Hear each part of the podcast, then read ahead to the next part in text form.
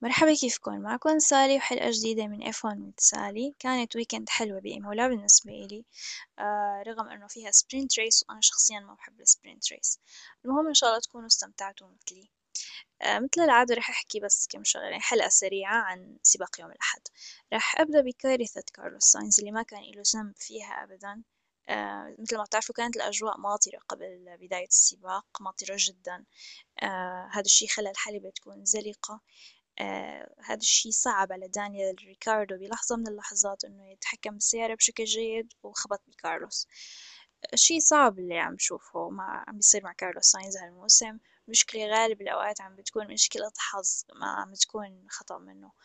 آه أنا شخصيا عم شوف هو كمان قادر يفوز بسباق وقادر ينافس لوكلير على البطولة حتى لهيك متحمسة أشوف سباق نظيف مية بالمية لساينز آه، نجي حاليا على المنافسين على البطولة ريد بول وفيراري. كانت انطلاقة ثنائي ريد بول يوم الأحد ممتازة عكس انطلاقة لوكلير. أنا شخصيا كنت مفكرة سبب هذا الشي هو اختلاف جهة الحلبة اللي انطلقوا عليها سيارتي ريد بول من جهة الحلبة اللي انطلق منها لوكلير. مثل ما بتعرفوا الحلبة فيها آه، جهة متسخة نتيجة وجهة نظيفة نتيجة ال racing line اللي بياخدوه السائقين أثناء التسابق. فكنت مفكرة هذا سبب آه، انطلاقة أحسن من انطلاقة.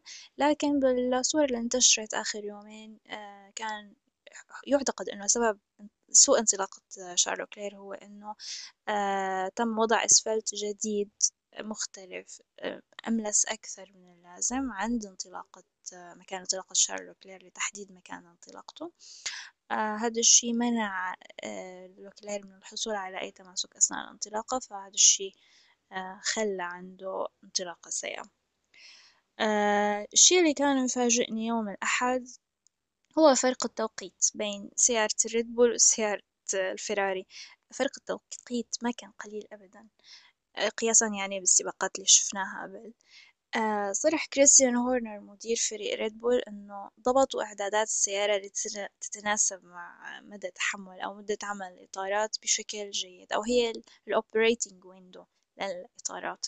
وإنه هذا الشيء هو اللي خلاهم أحسن من الفراري على حلبة إيمولا.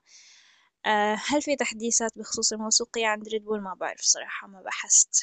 بس شفنا حقيقة أداء رائع من سيارتي ريد بول بإيمولا كالعادة وزير الدفاع المكسيكي سيرجيو بيريز اشتغل شغله بالسباق وأخر لوكلير من اللحاق بماكس في شغلة بخصوص لوكلير بصراحة بعتقد كان إلها دور كبير بأنه أخرته بالسباق ومنعته من التجاوز ومنعته من تحقيق نقاط قبل خطأه القيادي. الشي اللي أخره ممكن كان ال pit stop تبعه كانت طويلة كانت ثلاثة فاصلة سبعة ثانية أو على الأقل هي كانت أطول من pit stop ريد بول بكتير أكثر من ثانية حتى. ما بعرف إذا أنا غلطانة. هيك pit هيك pit stops يعني فيها تخرب نتيجة سباق كامل. بالنسبة لخطأ القيادي بآخر السباق فبعتقد بأنه ممكن انضغط نوعا ما كان حابب يخطف ال P2 كان بحدود ال DRS على تشيكو انضغط طلع على ال sausage kerb وشفتوا بعدين شو صار. ف weekend للنسيان للفيراري والتيفوزي إذا بتلاحظوا تقريبا أغلب السائقين أو أكثر السائقين آه، قدموا سباق رائع ونتائج حلوة عنا راسل بوتاس فيتل تسونودا. بس اللي لفت نظري عن جد هو جورج راسل ويوكي تسونودا أكتر شي جورج راسل بالذات آه، برأيي كان بيستاهل جدا Driver of the Day توقعت هو يفوز بالتصويت. كسب سبع مراكز من بداية السباق لآخره. ما ننسى تجاوزاته على كيفن ماغنسون وبوتس كانت بدون DRS وببدايات السباق حتى بأول عشر لفات تقريبا. آه الشي اللي محيرني حاليا ما عم له جواب هو الفرق المرعب اللي شفناه امبارح بين آه عفوا مو امبارح يوم الأحد بين آه جورج آه راسل ولويس هاملتون.